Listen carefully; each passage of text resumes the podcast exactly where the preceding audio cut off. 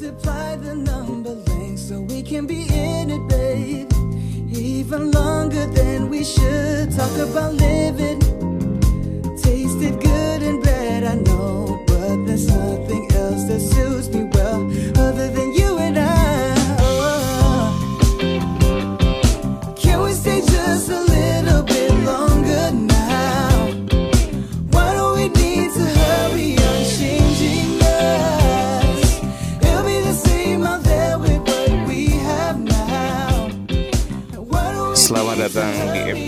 Terakhir untuk season terakhir season kedua podcast Bujang Bleter. Saya sama-sama lagi di bandara menuju perjalanan pulang dan mata ngantuk banget. Tapi ya demi konten bangsat harus bikin.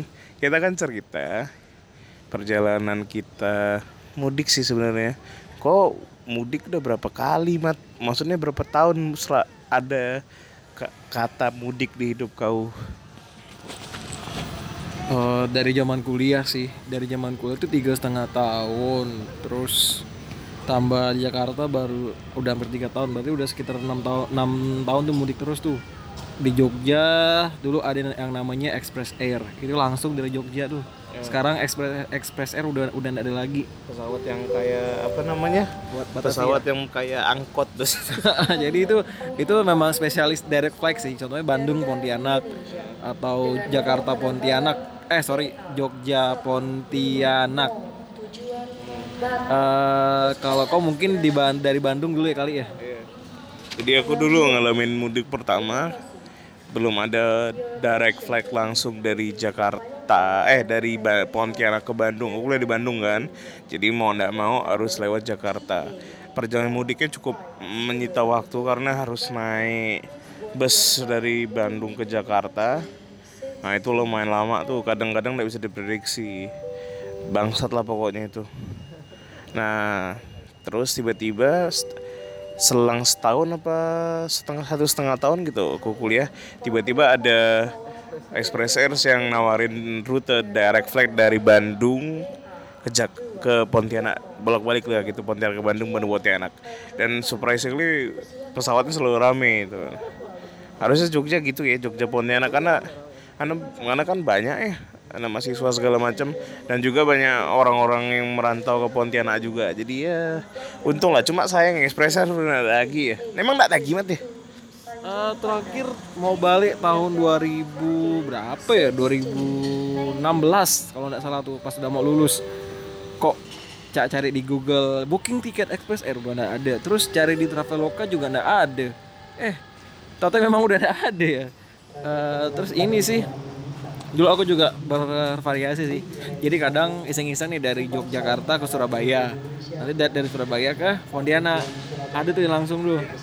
Naik layan dulu zaman zaman dulu. Naik kereta dulu kereta api itu. Ada ju- pernah juga dulu iseng-iseng juga nyoba dari pas balik gini Pontianak Jakarta Jakarta Jogja pakai kereta. Jadi aku waktu itu misinya keliling jauh sih Ah, gitu kan. Memang ini sih jiwa-jiwa adventure lah gitu kan. Cuma capek sih 8 jam di kereta tuh lumayan gak bro. Aku sih aku sih nggak pernah namanya eksperimental buat rute-rute sih. Kayak samat-samat kan waktu banyak kan. Aku sih bukan waktu mau bukan nggak punya waktu cuma nggak punya tenaga. Nggak kuat mat jalan-jalan kayak gitu tuh nggak mati rasanya. Terus eh ya aku terakhir naik Express Air itu 2015 apa 14 ya lupa aku. Pokoknya pas masih di Bandung loh terakhir tuh itu yang aku paling berkesan dengan Express Air itu waktu perjalanan Pontianak Bandung aku ditemenin bapakku kan jarang-jarang bapakku nemenin aku tapi sering sih. Tapi tahu sih kayaknya beberapa kali ada lah. Bapakku nemenin aku nih. Kan pesawatnya kan begitu ya modelnya.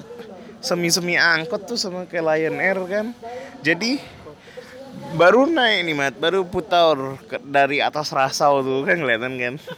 Atas rasau nih kan? Atas rasau begitu balik putar turbulence. Melambung nih kan? Bung. Terus belakang belakang belakang. Aku lihat bapakku mukanya udah lain dah nih. Bapak ba- bapakku sih memang selalu di pesawat sih. Kalau dia selalu takut terbang sih cuma dia tidur aja. Dia tidur kan? Aku keganggu sama ibu-ibu. Biasa sih Nah ibu-ibu pakai pakai gaung kan di belakang tuh teriak Allah Akbar Allah Akbar. Terus ada baca kursi yang biar teriak-teriak. Kan kita jadi jadi jadi ke bawah suasana. Jadi kita ketakutan juga. Padahal harusnya enggak apa-apa itu wajar. Cuman sering tuh waktu itu ya terus pengalaman naik pesawat yang paling lucu tuh apa ya? Banyak sih banyak sih. Tukar pesawat itu. Oh enggak lah itu bodoh nama. Kok tukar pesawat sih bodoh-bodoh ah, Bagi aku yang orang salah nonton bioskop pun bodoh tuh. Apa gitu Kalau udah namanya tukar pesawat tuh bodoh bale lah. Gitu. Jadi jadi dia ini orang Sulawesi orang bau-bau. Dia sekarang lagi kuliah di Turki. Bau gitu jadi dia tuh mau jadi dia tuh mau ke ini mau ke, mau balik kampung ke bau-bau. Mau naik Lion Air kan. Cuma nggak tahu kenapa dia tuh bisa salah pesawat masuk pesawat. Kok mukanya kotak-kotak semua sekali ditanya ke Medan. Udah naik dah. Terbang enggak? untung ini waktu pas last checking sama sama si pramugari kursinya kelebihan satu. Harusnya ini ini kursi kosong tapi kok kenapa ada orang? Di di cross check sampai dua kali. Pak bapak bisa nggak liatin tiketnya? Oh bener salah salah tiket. Untung di untung dicek kalau nggak dicecer ke Medan. Jadi mau barat ke timur jauh cuy. Itu bodoh balik sih. Aku yakin mat Yang bodoh tuh bukan cuma dia yang bodoh yang meri- yang izinkan dia masuk tuh. Berarti kok sebenarnya di pin- di pintu boarding terakhir sebelum on board itu emang bodoh tuh yang ngecek tuh kadang-kadang ngantuk tuh kayak gitu tuh. Bangset tuh deh. Terus tergantung sih kadang-kadang rute-rute beberapa rute-rute tertentu tuh surprisingly orang-orangnya. Jadi jadi eh gini gini pengalaman aku. Tiap aku naik low cost carrier Lion dulu ada Sri dulu ada namanya apa?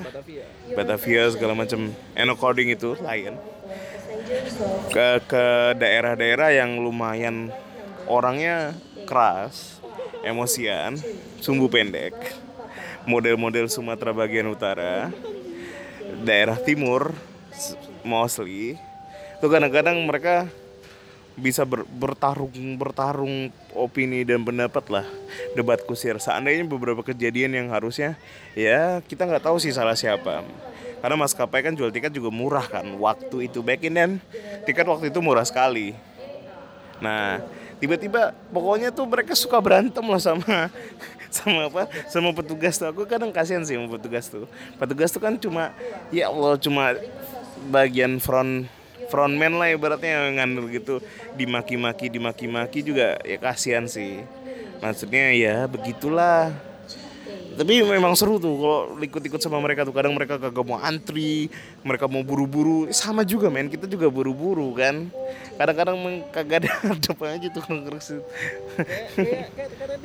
Tar dulu nih kan, belum selesai. Jadi aku pernah sekali waktu itu aku bukan naik low cost carrier aku naik Garuda Indonesia naik Garuda Indonesia ini, bodoh mat. Pengalaman yang paling aku udah lupa. Aku lagi udah duduk nih udah udah on board nih udah di, udah on board di pesawat. Tiba-tiba bau nasi padang.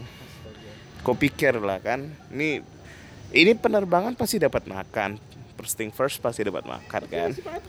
enggak tapi itu kan belum terbang. Ini kan baru baru ngeloadin nih baru masuk nih penumpang segala macam. Tiba-tiba udah mau nasi padang kau bayangkan datang dari mana belakang aku persis. Ada ibu-ibu pakai plastik bening makan nasi padang. Lapar benar kayak eh. Ya, nggak tahu sih lapar sih bang dia kayaknya tuh. Duduk deh mat. Aku perhatikan nih dari belakang nih kan. Aku noleh kan ke belakang. Dia lagi angkat kaki makan pakai sendok plastik. Makan kayak plastik mana aku tahu tuh otak dia tuh sendok plastik kan. Terus eh ada ada apa namanya? Pakai ada kelihatan tuh ada rendang ada pucuk ubi gitu-gitu. Ada gila aku yang orang kampung ya. Nggak kayak gitu-gitu benar nggak lapar betul kayaknya aku yang nggak yang susah nahan lapar ya kadang-kadang bisa masih bisa tuh tahan adab tuh gitu. Kan ganggu ya terus terus aku, eh, pengalaman eh, iya itu terus kadang-kadang orang-orang situ suka berantem aduh udah buat kusir. Ini tuh kenapa telat kenapa telat? Tuh ya salah sendiri kan bayar murah. Terus apa ya cerita lagi kalau penerbangan yang aku nggak pernah lupa itu Oh, waktu ke Thailand, waktu keluar setiap keluar negeri, tapi kan selalu biasanya kan domain aku selalu naik. Paling AirAsia Indonesia kan nggak begitu aneh sih. Cuman kalau naik-naik yang misalnya aku dari dari mana? Dari Bang Bangkok ke Bangkok ke apa tuh yang daerah-daerah macam ke provinsi-provinsi Thailand lah Wahin kayak gitu-gitu atau Brunei pesawat kan nah, itu lucu tuh pesawatnya tuh bau menyan kadang-kadang Kalau kalau Thailand memang gitu oh iya bau menyan udah gitu ngom udah ngomongnya gitu kan. Chap chao ya tuh ciwe wah buat siapa apa pup me jam. Aku kan cap. Aku kan bahasa Inggris aku kan ini ya. Maksudnya bahasa Inggris kan semi-semi bahasa Inggris lah. Bahasa Inggris yang tidak baik. aku pun kan mau kecap nih mau pengumumannya pakai kacap cap cap cap pula nih kan. Aduh bangset lah. Kok apa mat pengalaman naik pesawat yang paling mungkin ya paling tidak terlupakan lah so far. Ada nih waktu pas eh, tugas keluar daerah sih ke Malai, ke Malaysia pula ke Papua tuh paling berkesan sih. Awalnya kita di mau di, diiming-imingin naik Garuda, wah seneng nih Garuda nih. Tahu naiknya batik pak. Oke sih batik batik enak sih, cuma tetap aja turbulensi gila. Waktu pas ngelewatin lautnya Sulawesi tuh bruk bruk bruk bruk bruk kayak naik angkot. Bruk bruk bruk bruk bruk. Sekali tuh bruk bruk. Astagfirullah. Kawan aku pada nguncap-nguncap semua tapi makannya enak Ki. kita bisa kita bisa milih. Mau mau nasi uduk apa nasi biasa. Kalau nggak kalau daging sama ayam pokoknya itu bisa dibilang pengalaman terbang paling lama. Itu bisa sekitar 5 jam aku di atas. Udah sama kayak keluar luar negeri kan? Kalau nonstop 5 jam tapi kalau misalnya transit bisa 5 jam juga. Ah, ya sekitar 6 jaman lah. Ditambah beda waktu lah itu ke Papua terus penerbangan satu lagi waktu ke Malaysia ke KL Kuala Lumpur. Nah Kuala Lumpur ini waktu itu unik nih kita dari Pontianak ke Sarawak terus dari Sarawak ke Kuala Lumpur lebih murah bro.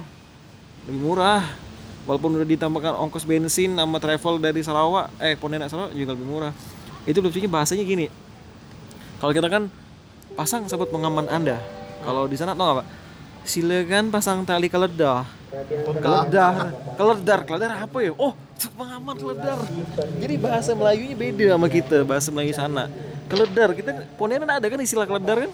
Ada kali ini. ada kali mungkin kita nggak pernah ngomong kali ya. pernah pakai kan. Ah, keledar. Orang mobil di Pontianak nggak pernah pakai duduk-duduk. bukan karena nggak tahu tapi karena nggak pernah pakai ya. Terus apalagi ya? Waktu pas itu sih yang Jogja Pontianak tuh juga pernah sekali turbulensi gila-gilaan tuh aku sama aku waktu itu sampai ini sampai teriak waktu itu Allah Akbar udah kayak mau takbir gara-gara aku tidur kan tiba-tiba kesentuh Allah Akbar langsung apa nak kaget bro itu waktu naik eh, Express Air itu sih kalau pengalaman aku terbang nggak ada yang aneh-aneh amat sih alhamdulillah lah Buat sama orang gitu. nggak pernah paling gini ketukar jadi orangnya nge- orangnya Oh, ngegas bukan aku yang ketukar dia yang ketukar Dia ketukar. Dia Pak. ngegas apa? Pak, saya kan duluan. Pak, ini tiket saya, Pak. Coba Bapak aja di atas. Kamu masih muda jangan kurang ajar kamu ya. Lah, emang saya kan cuma bilang ini tiket sesuai dengan saya, Pak. Akhirnya datang pramugari cantik, kan, Mbak kan. Ah, mulai lu mulai nurun tensi bapaknya. Oh iya iya, oh iya iya. Ya udah, kalau itu anak muda aku tonjok kali ngegas. Udah salah ngegas kan. Itu doang sih yang paling keras, enggak ada yang lain. Cuma kalau mak apa lagi Ik. ini ini ini ini lucu sih. Aku mesan Express Air dari Pontianak Jogja ekonomi. Aku check in dapat kursi nomor satu satu A. Lah ini kan eksekutif padahal aku belinya eh sorry bisnis aku aku aku belinya ini aku belinya ekonomi bro harga ekonomi duduk ekonomi tapi kok kenapa aku duduknya bisnis Hmm. nah itu jadi wah itu pertama kali ngerasain inklusi bisnis tuh dikasih makan minum wah Terus enak lah itu sengaja atau aku nggak tahu pokoknya di tiket aku nanya? diam Oh, diam ya diam-diam bangsat ya kan. Oke, 01A gitu kan. Ah, 1A. Aku cari. Aku sampai dua kali recek eh, ke ekonomi. Nggak ada nomor satu. Nomornya mulai dari nomor berapa gitu kan. Tanya pramugari, Pak ini satu bisnis di depan. Oh iya iya, iya aja udah, udah langsung dikasih makan. Mau minum apa pun bisa, mau minum jus dikasih. Kursinya beda, enak lah pokoknya. Besar kan kursi. Ah, ah. Kanan kiri aku bos-bos ini itu salah, salah. nggak tahu itu itu kayaknya salah sistem sih bro kayaknya jebol sistem Aku oh iya aku lupa cerita satu lagi. Jadi pengalaman aku terakhir naik pesawat tuh. Ini waktu kecil sih. Pesawat dari Pontianak ke Ketapang. Jadi ceritanya Nah, jadi jadi ceritanya eh, aku nggak aku lupa lupa ingat. Cuma yang aku ingat aku duduk sebelah mayat. lah mayat Nah jadi gini Nggak tahu ya gimana ceritanya. Yang aku dengar Setelah turun Baru dikasih tahu Ik tadi sebelah kau tuh mayat sama bapakku. Kenapa aku nggak dikasih tahu? Mungkin biar aku nggak teriak-teriak. Karena Katanya itu di kamuflase. Kamuflase. Jadi kan dulu bawa mayat itu dari Kau penerbangan Ataupun jalur darat kan agak resiko. Karena lewatnya itu kan. Dan kalau lewat udara harus ada fee yang dibayar lebih lah ibaratnya nah jadi si mayat ini kondisinya udah mati nih. Ya pasti lah mayat ya kan? Didandanin mat. Didandanin naik kursi roda. Dari dari jauh udah kelihatan aneh sih. Didandanin pakai kacamata hitam pakai shawl. Aku tuh nggak ngeliat bibir segala macem. Pokoknya aku di aku tuh di asile di gang gitu ya kan ada kecil nih. Cuma ada dua dua gitu kan. Sebelahnya dia nih. Pakai itu bapak aku ibu aku duduk samping aku. Cuma kan itu kepisah gang kan. Nah aku ngeliat itu bapak aku bilang dah dah usah lihat lihat gak usah lihat kanan katanya kan. Dah aku diam ya kan. Dah aku pun ngelihatnya baunya harum betul kayak habis dimandiin bunga mawar gitulah rupanya aku turun bilang itu tuh orang meninggal. Itu pun aku baru itu sepanjang habis turun aku aku tidur aku bayangkan mukanya tuh bangsat bangsat. Aku kayaknya pernah aku gambar lah waktu zaman Tumblr dulu. Mukanya tuh persis kayak aduh anjing sih kayak kayak guys tambunan gitu lah ngedut kayak kacamata gitu anjing anjing. Itu masih kepikiran sampai sekarang tuh. Itu pesawat lupa aku Kalstar atau apa gitu. Kayaknya eh waktu itu Pontianak ke Ketapang ini nggak tahu tuh. Oh sebelah itu itu yang paling berkesan tuh. Kayaknya sepanjang hidup aku tuh itulah perjalanan perjalanan ter- paling jauh tuh tidak ada papanya bang itu. Dia kan cuma deket tuh 45 menit lah. 40 menit lah. jam ya satu jam ya? Apa dari mana? Jakarta. Ya satu ya satu dari Jakarta itu. Terus ah kita mudik nih kan. Jakarta Jakarta mudik nih kan ditunjang fasilitas prasarana dan infrastrukturnya harus itu jalan eh, bandara. Ya kok kan kita nih udah keliling bandara lah ibaratnya kan. Mana-mana. Menurut kok bandara paling bagus ya? Selain Soekarno Hatta daerah lain yang mana yang bagus? Sepinggan bagus katanya. Sepinggan itu bagus. Jadi waktu pas bandara Pontianak belum direhab, aku ke Sepinggan dulu tuh. Wah, Sepinggan aku first impression wow gitu kan. Ada mall di dalam bandara, ada ada shopping center di dalam bandara, ada taman di dalam bandara itu pertama kali impress banget. Karena di tepinya juga tuh laut. Kita, kita, kita bisa ngeliat pemandangan laut, pemandangan offshore tambang gitu kan. Eh eh, minyak bor bor minyak yang offshore terus apa ya eh, bandaranya luas enak nyaman pokoknya sepinggan paling oke sih menurut aku sama sampai yang aku jalan. Kalau Papua maaf apa Papua ya macam Supadio zaman dulu Papua. Apa? Kok bandara-bandara kayak gitu tuh? Ah? Udah benar belum udah bener ya mana nih? Sepinggan apa yang Papua? Semuanya lah, kan kata yang jelek yang itu. Oh iya, kalau yang Papua aku rasa kayaknya belum dibangun secara terakhir- matang sih. Tahun berapa tuh? 2000 2018 Papua. Terus ini? Surabaya juga lumayan bagus cuma kayak bangunan-bangunan masih ya, bangunan jadul sama kayak Jogja. Ya Surabaya tuh udah kayak Kayak Soekarno ya udah, udah mirip lah cuma beberapa masih ada yang kayak kayak terminal 2 kayak terminal 2 Nah dua tuh bagus nih. Ah, terus ini Ketimbang bandara Jogja. di Sydney. Jogja bro. Aduh Jogja itu udah kayak Supadio lama. Be- bener-bener masih bangunan lama tuh bener-bener kayak semen-semen lama kayu-kayu lama. Tapi penerbangan sangat-sangat padat. Makanya Jogja tuh mau dipindahkan bandaranya ke daerah namanya eh, apa Oh, yang- namanya? yang- Kulon Progo Yang namanya. yang gitu. lagi ribut gara-gara sawah mau dijadiin bandara orang-orang nggak terima. Ya tapi gimana ya bandara aku juga udah ngalamin pe- penerbangan dari sana tuh bener-bener padat. Mau, du- mau mau duduk nih mau duduk di lounge nih kan. Maksudnya nunggu di uh, tempat nunggu nih kan itu bisa-bisa berdiri gitu bro kalau udah kalau kalau udah season kayak gini berdiri kita Iya. karena kursinya udah bener-bener penuh. Isinya paling anak-anak akmil anak-anak akpol yang nak balik ke Pontianak gitu kan. Pokoknya rame lah. dari situ ya. Dari Jogja banyak kan mereka kan dari Semarang. Semarang mahal katanya. Mending Jog mending Jogja waktu masih ada zaman Express Air. Terus kalau aku sih ngeri yang bandara-bandara kau sebutin tuh ada beberapa yang udah berubah. Kayak Jogja aku terakhir ke sana tuh 2016 apa 17 ya lupa aku. Itu udah berubah dah sekarang udah mulai itu. Yang paling parah yang aku paling ingat Bandung. Bandung was crazy. Hasan Susen Hasan Susen Sastra Negara itu sama terminal lebih panjang kurang lebih. Tapi sekarang harusnya udah bagus tuh. Aku tak pernah lagi sih sana. Jadi aku ke sana tuh masih terminalnya jelek, tempat nunggunya jelek. Aduh kacau lah. Tapi ceweknya Wah beda lah. Bandung ya. Oh iya, sama-sama pengalaman pengalaman bandara yang paling ingat tuh dulu kok kecil ya. Jadi Supadio tuh kan ada kayak balkoni gitu. Oh, ingat yang, aku? Yang mau nunggu ya. Yang yang buat Non- buat nonton pesawat. Jadi kan ada cerita. Jadi dulu di Supadio tuh kayak ada satu menara, satu menara gitu. Lantai dua apa lantai tiga buat nontonin pesawat. Ingat aku. Iya, buat pergi. Ah, buat misalnya ngantar kakek aku pergi nih. Kan kita nggak boleh masuk terminal kan. Nah, jadi pada naik di situ tuh kayak lantai dua gini nih. Kayak lounge kita sekarang nih. Nah, cuma out ini kebuka kan. Jadi kita kerasa tuh dada-dada padahal udah mungkin kelihatan siapa apa sih. Sekarang tempat itu jadi kayaknya jadi kargo atau apa gitu. Itu legendaris sih itu tempat. Itu legendaris di tempat itu tuh. Iya, lagi. Ingat kan kok kan udah hari Minggu gitu kan mana ngantarin orang gitu kan mau lihat duduk lihat pesawat gitu. Eh menarik sih penerbangan tuh. Eh, bandara udah itu mudik mudik enam tahun aku juga. Hmm. Apalagi ya?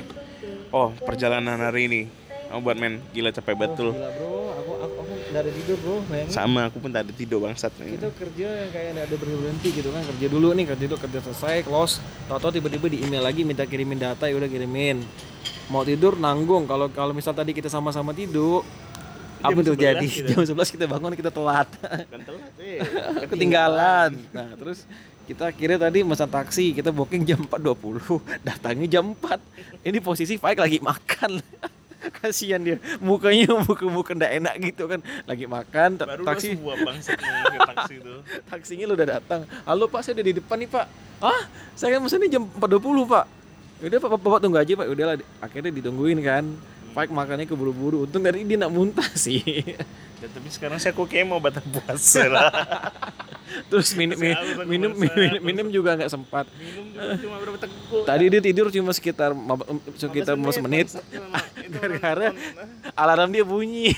Bodoh. Ini alarm 3 245 bangsat. Terus aku juga iseng-iseng ngebangunin pakai video sahur kan. Kebangun nah dia kan mandi. Sahur mimi, mimi peri bang. Ih, jijik. Eh, terus apa? Nyampe di bandara, aku kira masih sepi nih jam-jam Iya. 4. Tahu-tahu orang udah ramai. Jadi kita tadi jam ngan 4 sih mati jam 5. jam 5 lah. Kita tadi lima. ngantri, ngantri buat masukkan jam. buat apa? Buat masukkan bagasi. bagasi kan. Itu udah kayak main mana kita main di HP Nokia tuh. HP yang ada ular ular ular. Ular tuh kan yang panjang-panjang tuh kan. Udah macam itu panjangnya. Jadi tadi ada yang tiba-tiba nyerobot. Untung tadi aku tak ada emosi sih. Kan aku aslinya di belakang Pak Ik. Tiba-tiba ada kawalan orang nyerobot. Alamak ini orang tak ada pernah ngantri apa kalau aku tadi ngamuk udah aku pangkong atau tuh mama sih itu sih kan Memang bangkong ya bang. Ah. terus apa ya ya udahlah akhirnya dapat juga kan tapi eh, pas itu udah kelar tiba-tiba sakit perut. Buang aja lah kan gitu. Perjalanan kesel sih. perjalanan buat dapet tiket gimana man? perjalanan buat struggle tiket. lah. nah ini kita mainnya penuh struggle penuh penuh strategi. Namanya kalau di dunia accounting namanya hedging gitu atau lindung nilai. Jadi aku kan udah udah baca nih udah baca situasi. Sriwijaya itu udah diakuisisi sama Garuda udah masuk ke grupnya Garuda pertama ya. Yang kedua laporan keuangan Garuda lagi bermasalah. Laporan keuangan lagi diperdebatkan nih. Ya, Garuda juga aneh lah. ah, ah, terus harga tiket lumayan signifikan naiknya. Oke lah. Tiba-tiba tiket.com bilang tiket! Ngasih tahu ada diskon nih udahlah di- main bro potongan tiga ratus ribu. Akhirnya aku beli nih beli buat tanggal buat tanggal hari 30 Mei. Aku belinya udah sekitar dua minggu yang lalu lah. Harga harga 1,8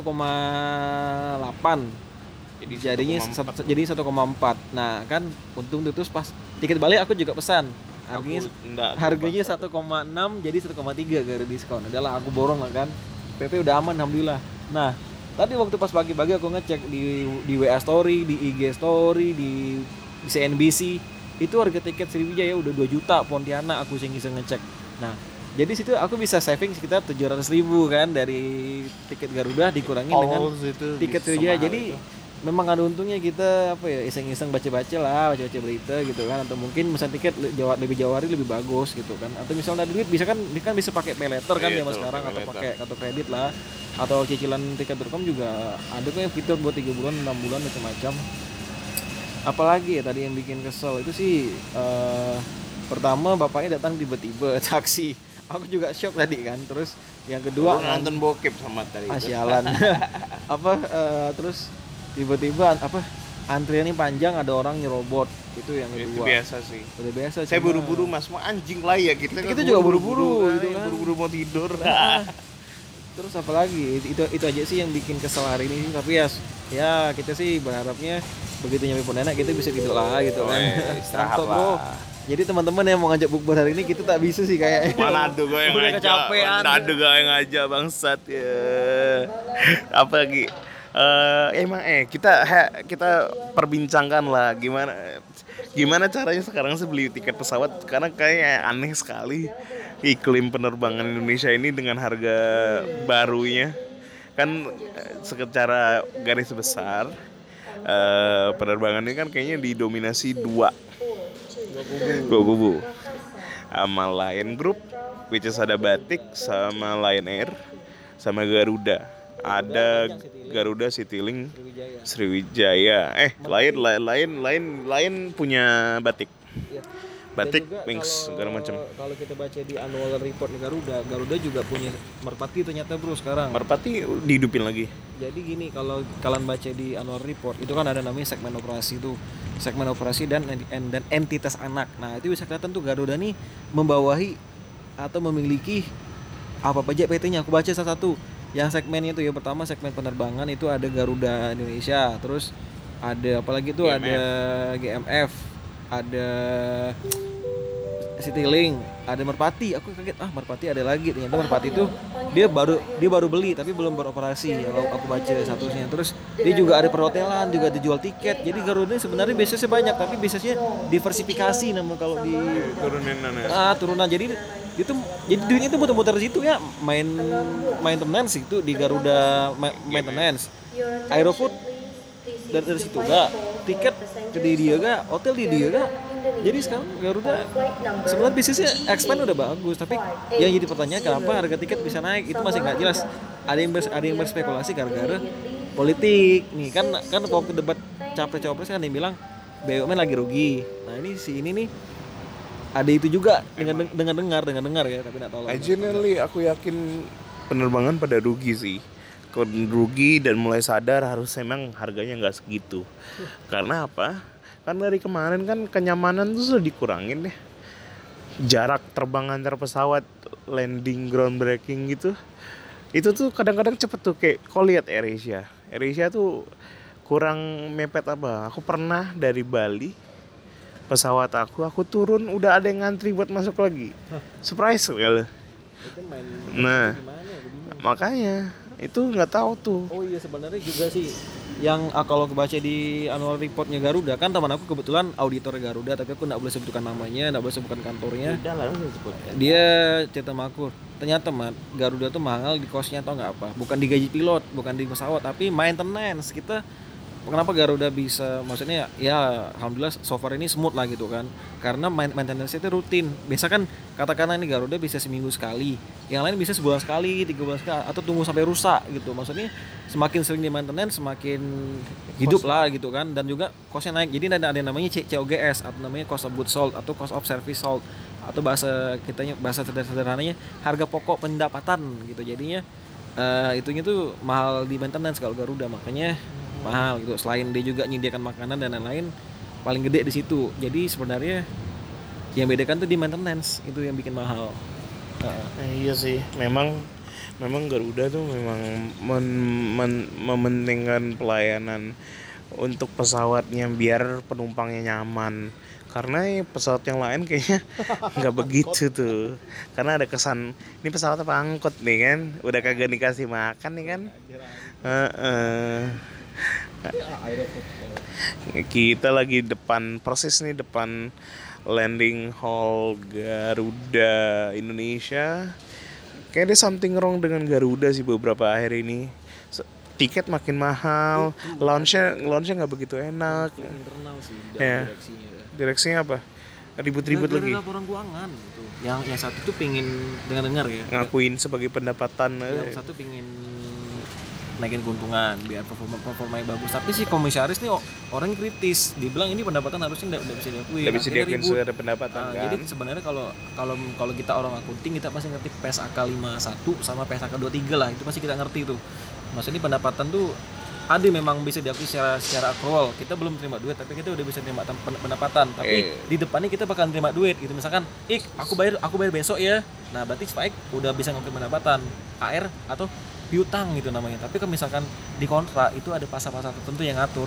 Kita baru boleh ngakuin ini kalau A B C D E. Nah, itu kalau misalnya kalian baca baca kontraknya mungkin ada pasal-pasal khusus yang ngatur. Jadi itu argumennya dari komisaris kenapa itu pendapatan tidak bisa diakuin secara nggak nggak bisa diakuin segampang itu makanya mereka sampai sekarang lagi debat OJK turun IBX turun eh, IAP turun apalagi turun pokoknya Sri Mulyani mau turun juga. Ah, takut ini kasusnya bakal ke mana-mana gitu kan. Pak Luhut turun nggak Pak Luhut? Luhut kayaknya nggak turun sebut kasus ini. Nggak Pak Luhut kan semua dia turun tuh. Ah, itu Garuda. itu. Garuda Garuda masalah dipanggil. Dia udah kayak semi perdana menteri.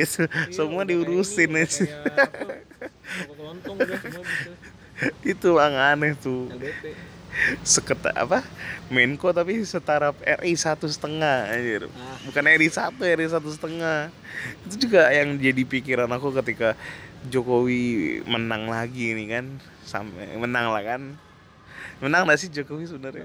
Menang lah harus ya. Ya harus menang lah. Gitu, ngomongin politik by the way kemarin kerusuhan mat. Aduh itu baru aku denger ya Kemarin kita kerusu, kerusuhan, kau kau tak ada kabar tuh kata kau belanja, aku sih tak ada masuk. Aku Kok gini ya. kok hari hari dua hari ceritakan sama aku hari 21 sama 22 kok di mana? Jadi tanggal 21 21 aku masih di kantor kerja biasa, udah dengar-dengar isu mau kerusuh, udah liat di IG. Teman aku ini ada di ada di dua kubu, ada yang di Brimob, ada yang di pendemo. Jadi aku bisa tahu dari dua sisi nih. Serius. ada yang di demo orang demo Ada teman aku satu orang kawan kuliah, ada gak kawan yang Brimob, emang takdir emang kan? kawan gitu kan. Pokoknya aku tahu dari, dari dua sisi. Versinya beda-beda lah pokoknya. Terus ya tau lah gitu kan kayak di berita-berita terus tanggal 21 aku aku balik kantor malam langsung ke rumah. Nah, tanggal 22-nya aku nekat belanja ke sana City. Ah, aku untungnya ndak ndak lewat Sleepy. Kalau kalau Sleepy mati gue mungkin ik atau kena Iya, lempar juga lah gitu lewat kan. Sleepy. Sama lewat Tanah Abang jangan lah. Jadi aku muter-muter mana ya pokoknya lewat Kebayoran lah gitu kan. Itu benar-benar muter aku, aku bayar ekstra tuh taksinya. Ya udahlah. Nyampe nyampe sana City lalu berita makin parah. Akhirnya belanja belanja belanja dapat beberapa pasang baju lah gitu kan. Akhirnya balik langsung. Karena pas turun itu pas turun THR ya. Pas turun THR, diskon juga lagi gila-gilaan di Senayan City dan barangnya barang-barang baru. Maksudnya bukan barang-barang lama yang didiskonan tapi barang-barang baru. Jadi aku pernah, pernah ngecek, oh ini barang masih baru. Pas kemarin mungkin belum diskon, tapi pas udah diskon langsung di langsung di sekitar 50% diskonnya. Apa aku nggak tertarik, langsung beli ya kan. Gue punya taruhannya kemarin. Oke. Tanggal 22 balik kantor langsung ke Senayan, dari Senayan balik balik rumah. Aman ya. Aman, alhamdulillah Ben Hill nggak kena. Ngerasakan gas air mata aku. Nggak kena, alhamdulillah. Aku kena mah. Lah kau kan di Sleepy rumah. Aku tuh tanggal 21 kan aku balik jam 12 Balik jam 12 Itu ada aku ngerasaannya tuh Udah rame-rame nih kan Tak ada balik Tak ada bubar-bubar Tambah lagi KPU ngumumin Wah Digocek sama satu Indonesia nih Katanya tanggal 22 21 malam diumumin ya kan Digocek semua ya kan Udah tuh, udah pecah tuh di Tanah Abang tuh udah rusuh kan. Rusuh tanggal 22 aku dibilang eh datangnya nanti pagi-pagi aja. Aku datang kan pagi-pagi sampai flyover wi- depan Wisma Asia. Ada yang udah dibakar-bakar ban dah bangsa. kau. Aku bilang bang kita putar bang pada kita mati. Putar kan.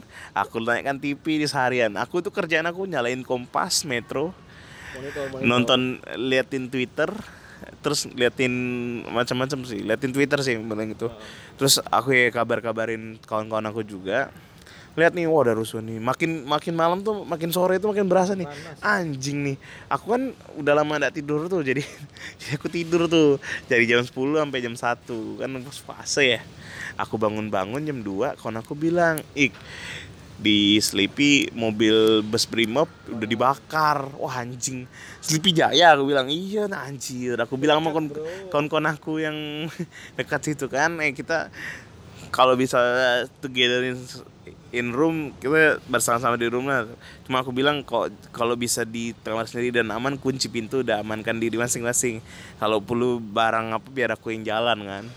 Ya, jadi gitu. Lucu lah kemarin tuh. Seru sih memang di Pontianak di Pontianak ikut mana aku tahu dibakar-bakar gak Nggak mending kalau mau, mau- ribut gini di sini sekalian biar nambah masa kan. Heeh. Pontianak pula ribut. Nah, nah, pokoknya aku tuh paling dua-dua tuh aku tuh mataku capek ngeliatin sosial media, nonton TV capek mat. Karena tuh ketakutan anjir nih kalau sampai kemanggisan benar-benar nih gimana? Udah gitu kan, Kau jadi tameng brimob. udah gitu kan parah ya. Dan paginya tanggal 2 tanggal 23-nya tuh aku udah masuk kan. Udah, udah jalan nih, kira aku udah baik-baik kan. Sekali aku lewat pom bensin Sleepy Kemanggisan nih, mata aku berasa tak enak ngapa nih bilang nih berai berai benar sampai lewat sana mataku berai tak bisa buka itu aku ngerasa baru "Wah, anjing nih ini air, gas air mata benar-benar keluar air mata nih. Sampai tak bisa ngeliat mat. Dan aku ngeliat jembatan Sleepy itu masih berkabut. Itu kabut tuh kabut gas air mata ternyata. Parah ya. terus itu hancur. Tanaman segala macam mana tuh. Terus di Jati Baru yang tempat aku lewat juga kalau ke Bank Indonesia kan. Itu juga pagar pada kagak nggak berdiri pada tempatnya semuanya. Aduh aku bilang. Terus aku tanya kan kawan-kawan aku yang ternyata masuk tuh terus mereka nggak bisa pulang katanya ketahan sampai jam 2 mereka ngelihat enggak memang tahu mereka kan ngelihat rusuhnya. Jadi mereka lihat rusuhnya emang rusuhnya tuh budak-budak tak jelas. Iya banyak gangster nggak ngerti gak kan? Ya, pokoknya gitulah. Kacau tuh chaos kemarin tuh. Mudah-mudahan nggak ada lagi sih yang kayak gitu Itu nggak tahu sih kalau misalkan ini tiba-tiba gugatan ini ditolak atau mungkin makin panas ya. Kapan sih? Nggak, nggak, aku nggak Pengumuman ngerti sih. nggak ngerti pengumuman. habis habis lebaran lah ya harusnya Kayaknya sih habis 20-an kita ya. salaman lah kayaknya ya. Salam salaman itu baru kayak lagi gitu kan. aduh nggak capek apa bangsat ini Enggak yang ke sini ini sos sosmed diblokir semua bang. oh iya oh iya itu bener tuh Thank you. thank you to Wirantot nih Astagfirullah. anjing nanti kita ketangkep nih cuma bodoh lah. Masa masa Cara kayak gitu tuh udah kayak cara bocah sih gue bilang. Ah, masa kau bakar gitu langsung kan. Cara yang lain lah apa kau tangkap tuh kau dan orang orang IT ngerti lah kan caranya gimana bagus. mm, aku sih nggak peduli sih maksudnya. Nggak bakal ada cara buat nutupin kayak gitu. Caranya apa? Ya caranya ditangkap lah. Cuman aku aku kasihan sih orang banyak betul yang ditangkap. Kau lihat kan yang video yang mau menggal Pak Jokowi kena tangkap. Yang itu kena tangkap pokoknya sekarang apa pun ditangkap polisi lah kita pun ngomong gini kayak ditangkap polisi kali kan nanti ya. janganlah gila SKCK kau tak bersih pak. Nanti. eh udahlah pokoknya ya nggak tahu sih Indonesia ke depannya kayak gimana pakai VPN lah kalau diblokir blokir lagi Ya, aman VPN. Kalau kalau kartu kartu kalau kartu makanya pakai pakai VPN yang betul apa yang turbo? jangan kayak turbo bawaan handphone tuh kan ada kayak Wah, Samsung ada. Max pakai itu aja Baru tahu pak. kayak Samsung Max. Buat nonton Netflix bisa nonton Hulu Zulu itu bisa. Oh buka-buka buka-buka yang buka-buka yang sehat. hamster-hamster juga bisa itu. Apa tuh? Tak tahu aku. udah kau cari nanti apa Gi ya? Eh, perjalanannya semoga menyenangkan. Bentar lagi kita boarding sih. Wah, masih lama met. Kita batal puasa dulu apa? Jangan lah, aku nak buka puasa sama keluarga. Iyalah nanti puasa lagi habis buka. Apa yang diomongkan ya ngomong apa mat nih puasa udah terakhir-terakhir kau minta maaf lah Ah, mudah-mudah kalau misal aku sama Faik ngomong ngegas, maki-maki ya gitu gitu na- natural sih udah Net- natural, natural. Jadi jadi jadi kita ngeliat di Instagram akhir-akhir ini tuh ada satu abang-abang, abang-abang Dayak nih. ngomongnya khas khas khas khas Dayak dari ulu kali ngomongnya jadi dek sanggau sintang natural, natural katanya. Jakarta Jakarta katanya. Di Ketra Jakarta terus eh, ngomong-ngomongan cewek lah macam-macam Dari- itu nama IG-nya Willy John Kopi Dadu. Nama abang-abang. Ada gitu cewek namanya Sylvia Genpati 7 kan Sylvia Genpati kan artis ya ini Ada- ada- Sylvia ada Genpati tujuh. tujuh. Ada ada tujuh di ujungnya aku kaget kan. Itu ternyata orang Sintangga jadi ada tuh kalau kita tengok di Instagram kabar kabar media dia udah duet gitu kan yang satu ngomongkan cowok satu, satu ngomongkan cewek gitu kan. Apa apa abang-abang tuh goda-goda aku cari cari duit dulu lah katanya. Yang satu lagi bilang apa bawa banyak-banyak gaya? Cuci piring tak pandai katanya langsung. Pagi ya berapa menit nih? Oh, sih kalau aku 40 sih menit. cukup lah. Apa gitu ya diomongin ya? Eh, ini ya Ingrid sama Nova nih kita kan mau ngajak podcast. Tapi kayak wacana doang nih kayak. Bangsat lah dia tuh. Ya udahlah dari aku terakhir kan sampai mau tebak lagi Dan aku bilang ini episode terakhir buat season kedua ini nanti kita balik lagi habis lebaran. Kita akan rekaman beberapa podcast di Pontianak mudah-mudahan. Maaf lahir batin selamat lebaran. Minal aidin wal faidin taqabbalallahu minna wa minkum. Apa gimana lanjutnya? Pokoknya maaf lahir batin selamat idul fitri. Terima kasih teman-teman podcast Jung even longer than we should. Talk about living, tasted good and bad, I know, but there's nothing else that suits me well other than you and I. Oh. Can we stay just a